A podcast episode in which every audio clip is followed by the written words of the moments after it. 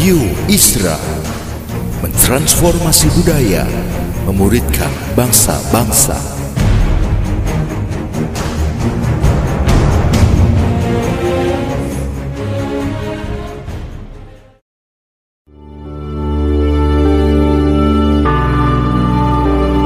Apostolic Prophetic Messages mengungkapkan pesan dan arahan dari hati Tuhan bagi gerejanya demi menuntaskan mandat kerajaan Allah di Indonesia dan bangsa-bangsa. Selamat mendengarkan.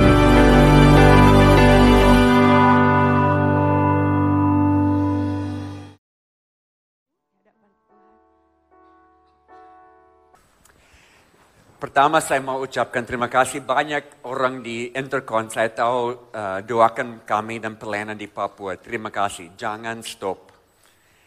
Um, tahun terakhir ini memang penuh banyak um, kejutan dan tantangan. Dan perlu banyak orang berdoa. Dan kalau saudara belum terima pokok doa dari Papua atau update yang saya kirim setiap bulan bisa daftar nama dan alamat email, ada meja di belakang. Waktu keluar dari pintu, saya akan ada di situ, bisa daftar nama untuk terima. Karena saya tidak punya website karena isu security, tetapi bisa dapat email setiap bulan kalau mau uh, kasih alamat email. Perlu banyak doa. Setiap tahun bulan Januari saya tanya, Tuhan apa temanya untuk tahun ini? Dan tahun lalu Januari Tuhan uh, tahun 2019, uh, Tuhan bilang, Jim ini tahun harus berkembang di tengah-tengah kekacauan. Dan memang uh, banyak kekacauan terjadi di Papua tahun terakhir ini. Mulanya April. April dua minggu sebelum pemilu, kami mengalami musim hujan yang ekstrim tahun ini. Dan lebih banyak hujan turun dalam waktu lebih singkat. Dan satu malam itu Sabtu, hari Sabtu malam terjadi, jam 11 malam. Di belakang rumah kami di kota Sentani, ada gunung yang mulai longsor. Karena banyak hujan dan enam sungai yang turun dari gunung itu naik enam meter masing-masing. Setiap sungai naik enam meter dalam satu malam.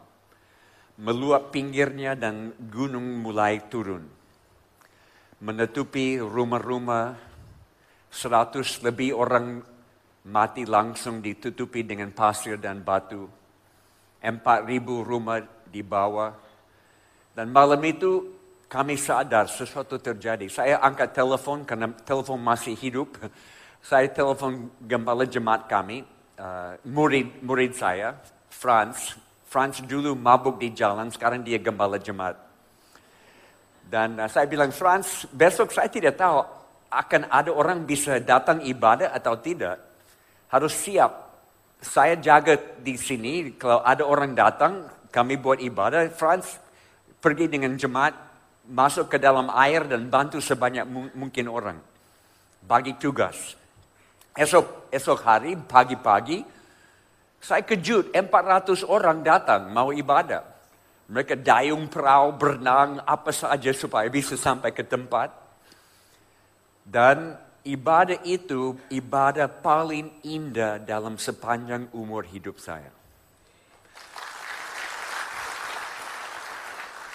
Karena hari itu tidak ada listrik, seluruh kota mati listrik, PLN tidak ada. Tidak ada alat musik. Air sudah turun cukup untuk kami kumpul. Tapi semua orang datang dengan satu baju di badan, semua barang lain sudah dibawa dengan air. Dan mereka ibadah dengan kata, Tuhan walaupun kami kehilangan semua, terima kasih karena kami masih ada. Puji nama Tuhan. Hari itu tidak ada khotbah karena mereka adalah khotbah. Kesaksian-kesaksian mereka adalah khotbah.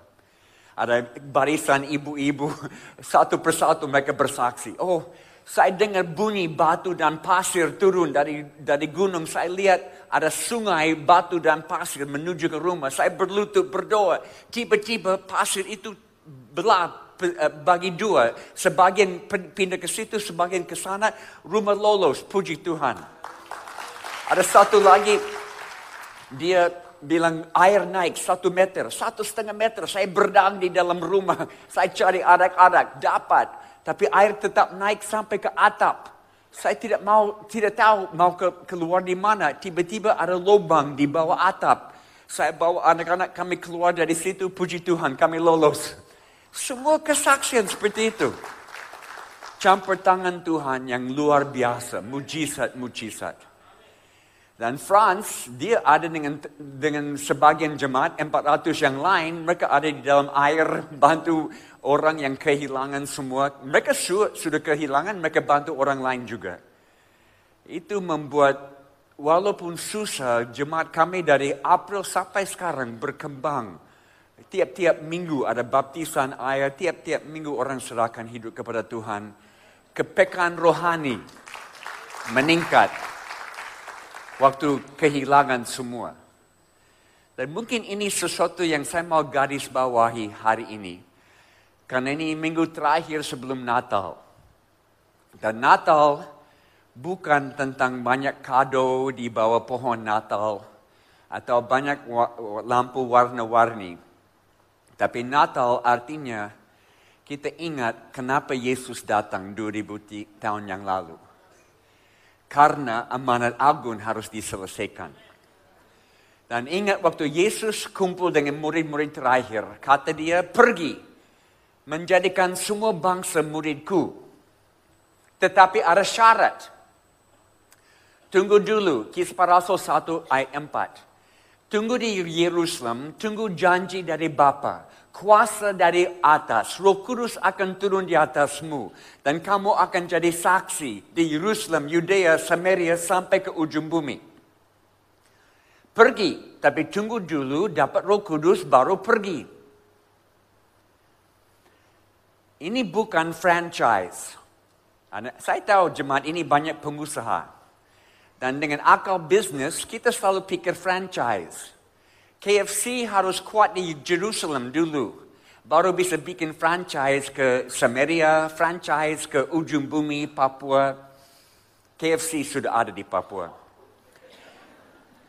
Tapi ini bukan akal bisnis franchise. Ini Jerusalem, Yudea, Samaria, ujung bumi semua pada waktu yang sama. Wow, Jim itu tidak masuk akal dengan secara bisnis. Memang tidak masuk akal bisnis. Karena ini mustahil, ini tugas mustahil. Itu sebabnya perlu kuasa roh kudus. Roh kudus memungkinkan amanat agung bisa jadi. Jadi roh kudus akan turun di atas kamu dan jadikan kamu saksi. Punya roh kudus, punya kesaksian. Katakan sama-sama. Punya roh kudus, punya kesaksian. Sekali lagi, punya roh kudus, punya kesaksian. Kalau saudara tidak mau bersaksi, kembalikan roh kudus. Kita terlalu banyak seminar roh kudus di dalam gereja. Pada pokoknya, dasarnya, roh kudus diberikan supaya kita mencerminkan Yesus kepada dunia yang tidak kenal dia. Roh kudus memberi kesaksian. Kita tidak terima roh kudus dan belajar bersaksi. Terima roh kudus dan menjadi saksi, menjadi terang di tengah-tengah kegelapan. Jadi mereka dapat roh kudus dan gereja mulai berkembang. Pasal 2, kisah para rasul ada 120 yang tunggu terima roh kudus. Pasal 3, pasal 4, pasal 5 ayat 28 rasul-rasul ditegur di amanat uh, di sidang amanat agama uh, uh, sidang agama dan mereka ditegur kenapa sudah penuhi seluruh Yerusalem dengan ajaran tentang Yesus. Apa kelihatan Jakarta kalau seluruh Jakarta dipenuhi dengan ajaran tentang Yesus? Suasana akan seperti apa kalau seluruh Jakarta penuhi dengan ajaran tentang Yesus? Kisah para Rasul 5 ada ahli sejarah yang perkirakan anggota jemaat di situ 20 ribu anggota jemaat. Pasal 2, 120. Pasal 5, 20 ribu. Berapa tahun, bukan tahun. Berapa bulan, bukan bulan. Berapa minggu terjadi. Dengan cara apa? Ada KKR di lapangan? Tidak. Dari orang ke orang, rumah ke rumah, jalan ke jalan, cerita tentang Yesus didengar. Mereka penuhi setiap jalan, setiap rumah dipenuhi dengan ajaran tentang Yesus. Mereka tidak bisa stop bicara tentang Yesus. Kalau punya roh kudus, tidak bisa stop bicara tentang Yesus. Saya tidak tahu. Uh, saya, saya lihat ada banyak suami istri di sini. Uh, kembali kepada waktu jatuh cinta pertama kali. Belum nikah. Masih tunangan. Waktu saya dan istri mau nikah, uh, kami mau nikah cepat dan mau pergi misi cepat.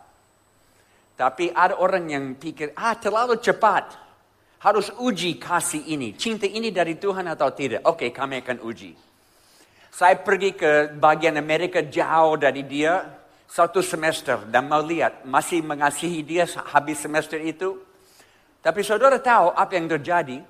Di asrama laki-laki, setiap hari saya harus angkat telepon bicara dengan dia. Karena saya kasihi dia, saya cinta dia, saya harus dengar suaranya setiap hari. Juga dengan semua laki-laki di asrama, saya selalu bicara tentang dia kepada mereka. Karena waktu kita cinta seseorang, kita tidak bisa stop bicara tentang dia. Betul? Kalau kita mengasihi Yesus, kita tidak bisa stop bicara tentang dia. Betapa baik dia.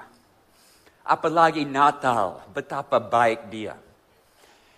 Jadi itu gereja semula buat begitu dan sudah berkembang 20 ribu orang tapi ada masalah. Apakah jemaat interkon ada masalah?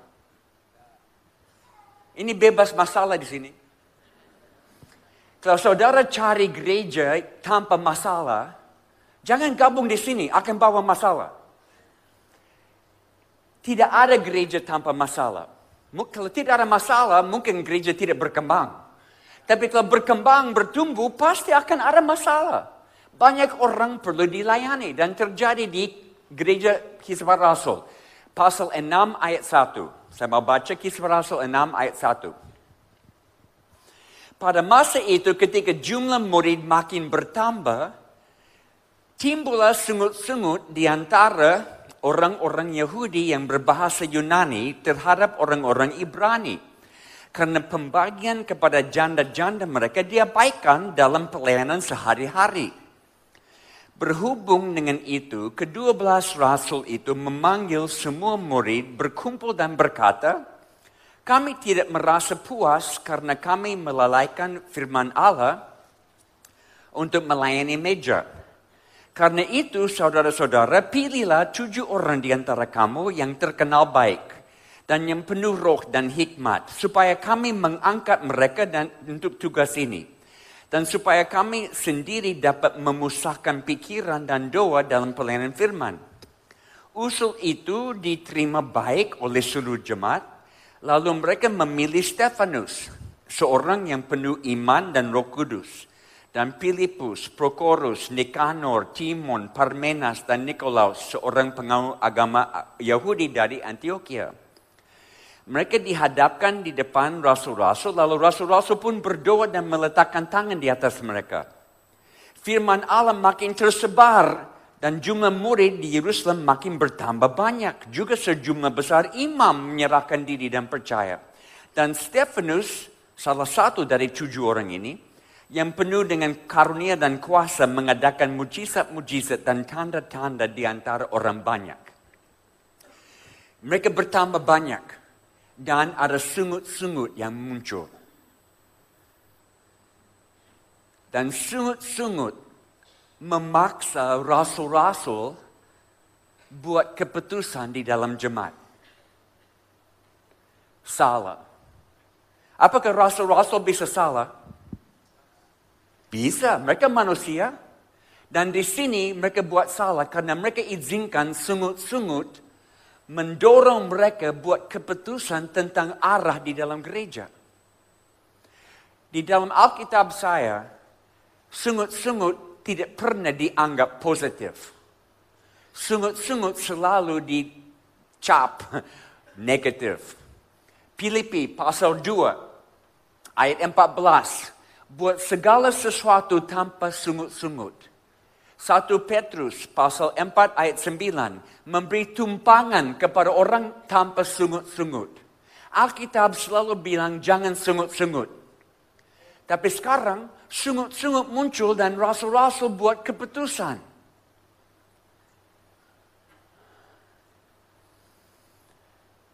Saat ini ada ibu-ibu yang muncul yang tidak dilayani baik. Tiap hari ibu-ibu janda dikasih makan. Tapi ada janda dari latar belakang yang berbeda sedikit. Mereka orang Yahudi, tapi mereka lahir atau besar di daerah Yunani. Juga mereka pakai bahasa Yunani. Juga firman Taurat di dalam bahasa, terjemahan bahasa Yunani. Jadi mereka bukan Yahudi asli. Saudara tahu kita selalu melayani orang yang sama, mirip dengan kita. Diberi perhatian lebih baik kepada orang yang sama. Satu kaum, satu keluarga. Mungkin ada orang pindah ke Jakarta dan datang ke sini dan langsung ditanya, apakah kamu orang Jakarta asli atau Jakarta tempelan? Kita selalu mau tahu ini orang asli sama dengan saya atau tidak. Jadi di sini ibu-ibu yang asli Yahudi mereka dapat perhatian lebih daripada ibu-ibu yang lain. Dan ada sungut-sungut. Dan mulai mereka buat sesuatu keputusan. Sampai hari itu, rasul-rasul terlibat dalam melayani meja, sajikan makanan. Pelayanan rohani dan pelayanan jasmani adalah satu. Tidak dipisahkan holistik total. Kap, uh, Kisah Rasul 2 ayat 45, pasal 5 ayat 2, Rasul-Rasul terima uang dan membagi-bagi. Atau tanah dijual, mereka bagi-bagi. Mereka terlibat dengan semua pelayanan. Berdoa dan bekerja. Berkata dan berbuat. Pelayanan oleh semua untuk semua. Tidak ada rasa kasihan kami, apa yang kami punya. Tidak ada dilempar ke pemerintah. Beberapa tahun lalu saya dapat telepon dari DPR di Papua. Mereka telepon, ini Bapak Jim Yost? Ya. Kami buat komisi pemberantasan AIDS dan narkoba di Papua. Dan kami taruh Pak Jim di dalam. Saya kejut. Saya tanya, kenapa saya? Saya tidak kenal orang di pemerintahan. Karena kami di pemerintah melihat AIDS dan narkoba meningkat drastis. Dan kami tidak tahu bagaimana, bisa atasi hal ini. Tapi kami lihat di kota Pak Jim, kriminalitas turun. Banyak anak jalanan dipulihkan. Lewat pelayanan Pak Jim, bisa gereja Pak Jim bisa bantu pemerintah tahu caranya untuk memulihkan hidup anak-anak yang nakal ini. Wow, pemerintah datang ke gereja untuk memecahkan masalah sosial. Itu gereja Alkitabiah, itu gereja gereja semula. Mereka tidak lempar ke pemerintah. Mereka ambil tanggung jawab masalah sosial. Karena gereja punya jawaban semua masalah sosial. Karena semua masalah sosial kembali kepada broken self-image, gambar diri yang hancur. Kalau gambar diri dipulihkan, banyak masalah sosial akan beres sendiri. Jadi gereja semula sangat terpadu. Jasmani, rohani sama-sama. Dan mereka mulai pisahkan. Mereka pilih tujuh orang. Penuh hikmat, penuh roh kudus. Terkenal baik. Why? Kenapa orang yang sajikan makanan harus penuh roh kudus? Karena pelayanan jasmani adalah pelayanan rohani. Bayangkan di meja panjang ini, ibu-ibu janda datang mau makan. Dan ada satu ibu yang lumpuh. Dia datang dan dia duduk dan Stefanus bawa satu piring makanan dan taruh. Dan tiba-tiba kaki goyang-goyang dan dilurusin dan dia sudah sembuh. Dia lompat-lompat sudah sembuh. Lewat pelayanan jasmani ada pelayanan rohani terjadi, mujizat. Itu gereja semula, natural, alamiah. Kalau saudara datang ke rumah kami, apa yang akan lihat? Banyak orang tanya, Jim, apa gambaran di tempatmu di kota sekarang, di Sentani, Jayapura? Kami di pinggir kota, ada satu setengah hektar, ada 20 sampai 30 anak yang tinggal di rumah kami. Ini bukan panti asuhan, ini keluarga besar. Anak-anak yang terlantar, anak-anak korban kekerasan, anak-anak yang lari dari rumah karena tidak aman, umur 8 sampai 18. Dan di tempat kami ada klinik kesehatan untuk orang-orang yang tidak mampu bayar. Setiap hari kami layani 200 pasien. Anak saya Amy, dia kuliah medis di Amerika, kembali dia tangani klinik. Ada dua lapangan bola basket. Karena kami punya gereja basket. Istri saya pelatih bola basket dan dia melihat anak-anak puli lewat bola basket. Ada kebun, ada, ada ternak ayam, seribu ekor ayam. Ini sangat holistik. Jadi sore hari, mereka mulai jalan kaki dari jalan raya, mereka jalan masuk ke tempat kami mau berobat di klinik. Mereka masuk ke klinik, siapa layani mereka? Oh, Amy, anak saya, dia latih semua cewek yang tinggal di rumah kami, mereka dilatih sebagai tenaga medis. Jadi masuk ke klinik, uh, tekanan darah dan jantung akan diukur oleh anak yang umur 12 tahun. Suntik akan diberikan oleh anak yang umur 14 tahun. Obat akan dibagi oleh anak yang 16 tahun. Dan mereka sangat profesional. Banyak dari situ mereka lanjut ke sekolah perawatan, sekolah kedokteran. Tapi ini sudah latih mereka dan mereka terima obat, pasien terima obat, tapi mereka tidak pulang karena obat tidak berguna sampai diaktifkan oleh doa. Jadi mereka ambil obat, mereka bawa obat dan mereka duduk di keliling dua lapangan bola basket tunggu doa.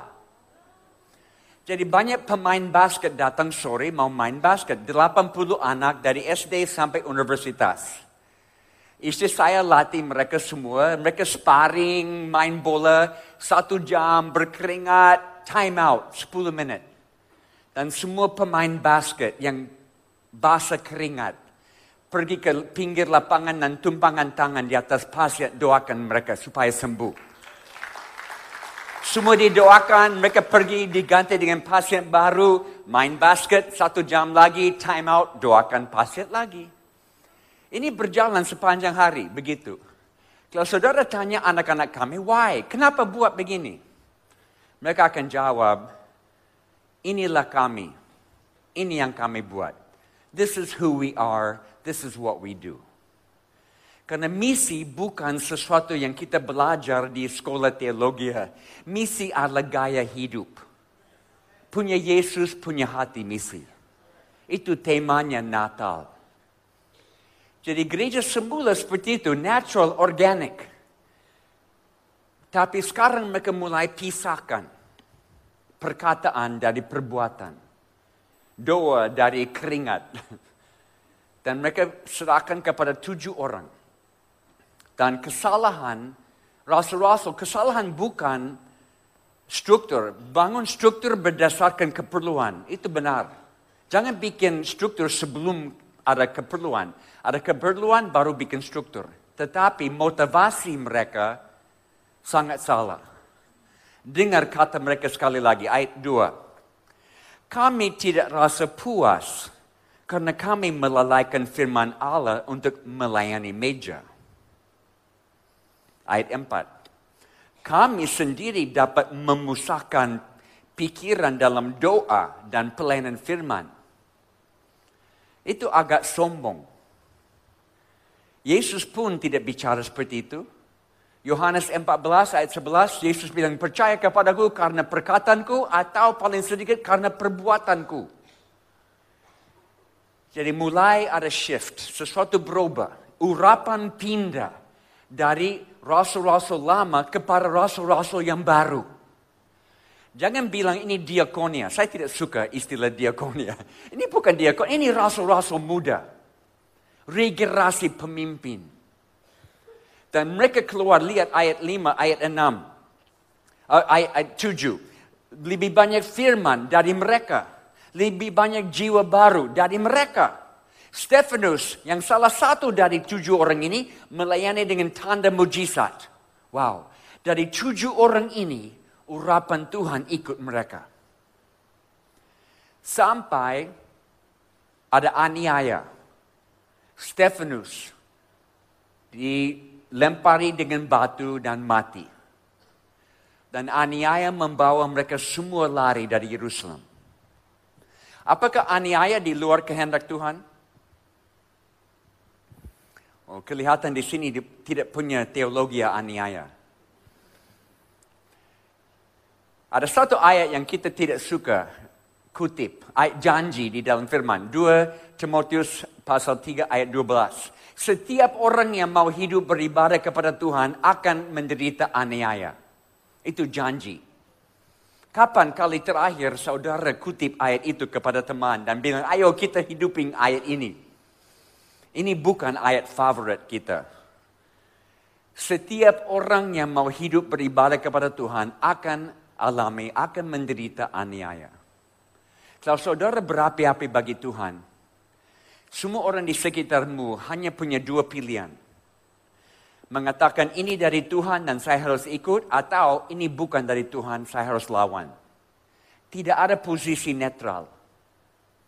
Jadi jangan kejut kalau mau hidup beribadah kepada Tuhan ada yang melawan. Jadi mereka mulai dibawa keluar. Karena Yesus perintahkan pergi memuridkan semua bangsa. Tunggu dulu dapat roh kudus baru pergi. Tapi mereka dapat roh kudus dan mereka tinggal. Dan mereka tinggal. Dan mereka tinggal. Tidak pergi. Jadi Tuhan harus menjalankan rencana dengan cara lain. Aniaya. Dan semua pergi. Lihat ayat uh, pasal 8 ayat 1b.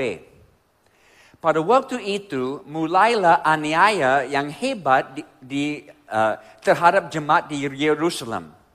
Mereka semua kecuali rasul-rasul tersebar di seluruh daerah Yahudi dan Yudea dan uh, Samaria.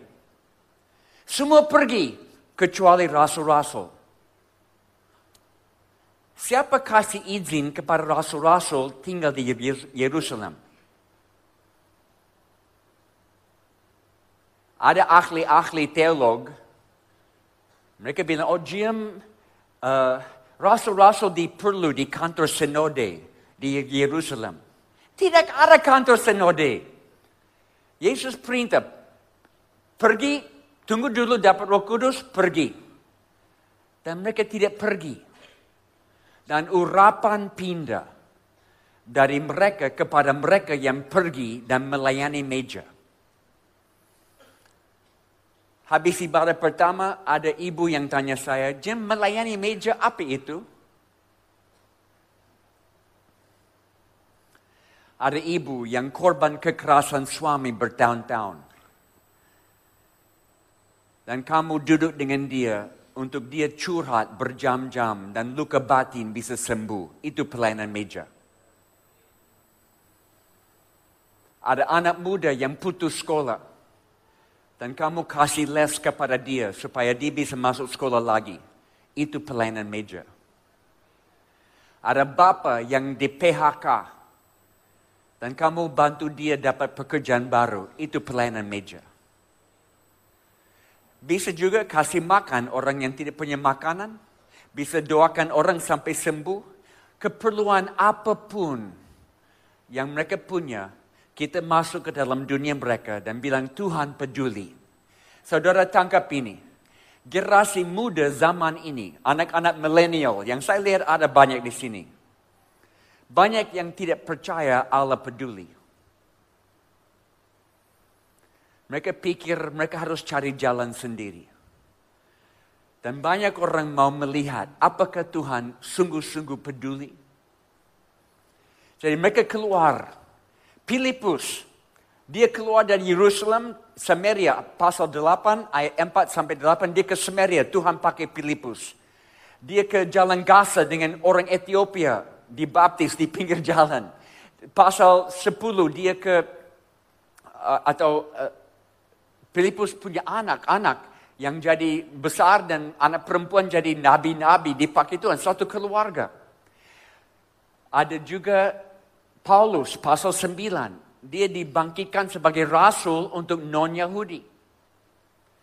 Kalau tidak ada orang mau dengar suara Tuhan, Tuhan akan bangkitkan orang baru. Rasul-rasul muda. Petrus, apakah Petrus dipakai Tuhan? Masih dipakai Tuhan tapi bukan di Yerusalem. Lihat, baca firman. Petrus tidak lagi dipakai di Yerusalem. Tapi setiap kali dia keluar dari Yerusalem, Tuhan pakai dia. Pasal 9, dia di Lida dipakai Tuhan. Pasal 9 lagi Yope dipakai Tuhan. Pasal 10 di Kaisarea dipakai Tuhan. Tapi tidak dipakai Tuhan di Yerusalem karena tidak punya izin untuk tinggal di Yerusalem urapan Tuhan ikuti gereja apa waktu ini dan waktu sekarang 2020. Gereja yang dipakai Tuhan bukan gereja yang punya gedung besar. Bukan gereja yang punya manajemen mantap. Bukan gereja yang punya kuasa politik. Tapi gereja yang keluar dan melayani meja. Itu gereja yang akan rubah dunia.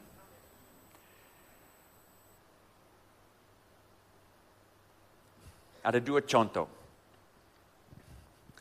Di New York City ada pelayanan yang dibuka oleh orang nama David Wilkerson.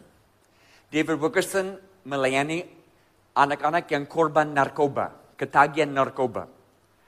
Dia buat pelayanan nama Teen Challenge. Satu hari ada perempuan muda datang, dia mau lamar kerja dengan David Wilkerson. Dia masuk ke kantor, dia kasih lamaran, tapi dia tambah suara. Dia Pak Wilkerson, saya harus jujur. Saya tidak tidak punya beban untuk orang ketagihan narkoba. David Wilkerson jawab, oh that's okay. Tidak apa-apa. Kamu bisa layani dengan kami. Dari bawah meja dia ambil sebuah ember. Dan dia kasih ember ini kepada cewek ini. Dia instruksi. Ambil ember ini. Keluar dari sini menyeberang jalan. Ada ada perumahan naik ke atas uh, satu tempat itu dan ada satu kamar di mana ada anak yang ketagihan heroin, narkoba berat. Dia mau lepas dan dia muntah terus. Tugasmu pegang ember waktu dia muntah. Itu pelayananmu. Dia keluar, dia buat. Satu minggu lewat. Ada ketuk di pintu David Wilkerson. Masuk, Cewek ini dia masuk dengan lompat-lompat. Saya dapat, saya dapat, saya dapat. David Wilkerson tanya, dapat apa? Dia jawab, saya dapat beban untuk orang ketagihan narkoba. Bagaimana caranya? Saya pegang ember, saya dapat beban. Itulah turun tangan buat apa yang harus dibuat di tengah-tengah masyarakat dan semangat emosional akan ikut dari belakang. Terlalu banyak orang tunggu, oh Tuhan saya mau dapat panggilan khusus, saya mau dapat sesuatu pengalaman di atas uh, gunung puncak bersamamu. Tuhan tidak buat seperti itu. Tuhan mau kita turun tangan. Dan semua emosional, semua perasaan akan ikut dari belakang. Just do it. Just do it. Lakukanlah saja. Waktu kami masih di perlaman dan ada gerakan Tuhan di suku Sawi, ada satu, dua, tiga, empat, lima kampung di sekitar rumah kami. Dan waktu gerakan Tuhan terjadi, ada empat yang responi, tapi satu tidak. Karena kepala kampung itu namanya KW. Dia larang semua orang ikut pelayanan kami. Istrinya beberapa kali sembunyi-sembunyi ikut pelayanan kembali, KW pukul dia setengah mati.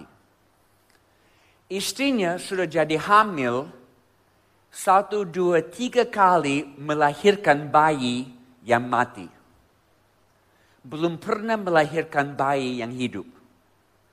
Waktu dia hamil kali keempat, KW izinkan dia datang ke klinik yang istri saya tangani.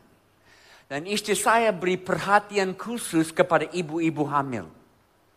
Dan waktu istri KW mau melahirkan, KW izinkan istri saya bantu dia melahirkan. Dan dia melahirkan bayi yang hidup pertama kali dalam hidup dia. Bayi hidup. Dan istri saya buat sesuatu yang pada waktu itu dia selalu buat dengan ibu-ibu yang melahirkan. Karena ada satu orang pengusaha di Amerika yang sepanjang hidup waktu dia buat business trip ke kota-kota, menginap di hotel, setiap kali dia mau check out dari hotel, dia selalu masuk ke kamar mandi dan dia ambil sabun kecil dari kamar mandi dan dia sakukan sabun itu sebelum check out, bawa pulang. Nah, mungkin orang Indonesia tidak buat itu, orang Amerika banyak buat itu. Jadi sepanjang umur hidup dia kumpul banyak sabun kecil ini. Dia pensiun sekarang, dia tidak pakai, dia hanya kumpul-kumpul di garasi ada karton besar. Dia bingung mau buat apa dengan sabun kecil ini. Dia pikir, oh mungkin Jim Yos bisa pakai di tengah hutan di Papua. Mungkin dia pikir saya tidak mandi. Jadi dia kirim. Saya masih ingat sampai hari ini waktu tiba kiriman karton besar itu. Karena pada waktu itu kami dapat satu kali sebulan ada pesawat kecil, pesawat air, tunggu, turun di atas sungai, membawa makanan, membawa supply, membawa surat. Dan kami rindu pesawat itu sekali sebulan. Dia turun, ada karton besar keluar. Saya lihat istri kami senyum, saya buka sabun. Tidak bisa makan sabun. Tapi istri saya dapat ide dari Tuhan. Setiap ibu yang melahirkan, dia selalu berikan satu sabun dengan instruksi bagaimana caranya bawa bayi ke sungai tiap hari dan kasih mandi anak bayi di sungai, di air. Jadi setiap hari kami lihat istri KW, dia turun di sungai kasih mandi anak. Satu minggu masih hidup. Satu bulan masih hidup. Tiga bulan masih hidup baru kawin mau kasih nama kepada anak. Sebelum itu dia tidak mau kasih nama karena dia yakin akan mati percuma kasih nama. Dia tunggu tiga bulan baru beri nama. Dan dia datang ke rumah. Pertama kali dia datang ke rumah. Kami duduk sama-sama dan dia buka semua. Dia bilang, Jim, dari hari pertama saya lawan semua pelayananmu di sini. Saya tidak izinkan siapa pun dari kampung saya ikut. Tapi Jim dan istri Begitu besar kasihmu kepada saya dan istri saya. Sampai kasih sepotong sabun supaya anak kami hidup. Saya mau dengar tentang Yesus ini. Dan dia percaya Yesus hari itu. Dia buka pintu dan satu kampung datang kepada Yesus karena sepotong sabun. Saudara kita tidak tahu satu pertunjukan kasih kecil yang kita buat kepada tetangga, kepada orang di tempat belanja, di, kepada orang di tempat rekreasi, di sekolah, di kampus, di perumahan. Kita buat bisa buka hati satu keluarga, satu desa, satu kampung, satu kota, satu bangsa. Gereja yang akan robot dunia di Indonesia adalah gereja yang pergi dan melayani meja. Biar intercon menjadi sebagian dari gerakan Tuhan ini. Mari kita berdoa, tim musik bisa tampil. Tuhan, terima kasih karena waktu Natal ini kami diingatkan bahwa Natal ini bukan tentang kado-kado atau lampu warna-warni, tapi untuk memberi semuanya yang kami punya dalam misi sedunia. Karena kami ada di sini karena Yesus datang 2000 tahun yang lalu memberi pengharapan kepada kami. Dan Yesus adalah teladan hidup bagi kami. Kami mau ikut sama seperti Yesus. Jadi Tuhan saya minta urapanmu di atas rasul-rasul muda dari Intercon. Yang 2020 mereka akan mulai muncul. Mereka akan lari keluar, akan jama banyak orang dalam ke keperluannya. Dan kuasa Tuhan akan menyertai mereka. Bangkitlah rasul-rasul muda. Dalam nama Yesus kami kunci kebenaran ini. Dan kami akan jadi pelaku firman Tuhan. Haleluya.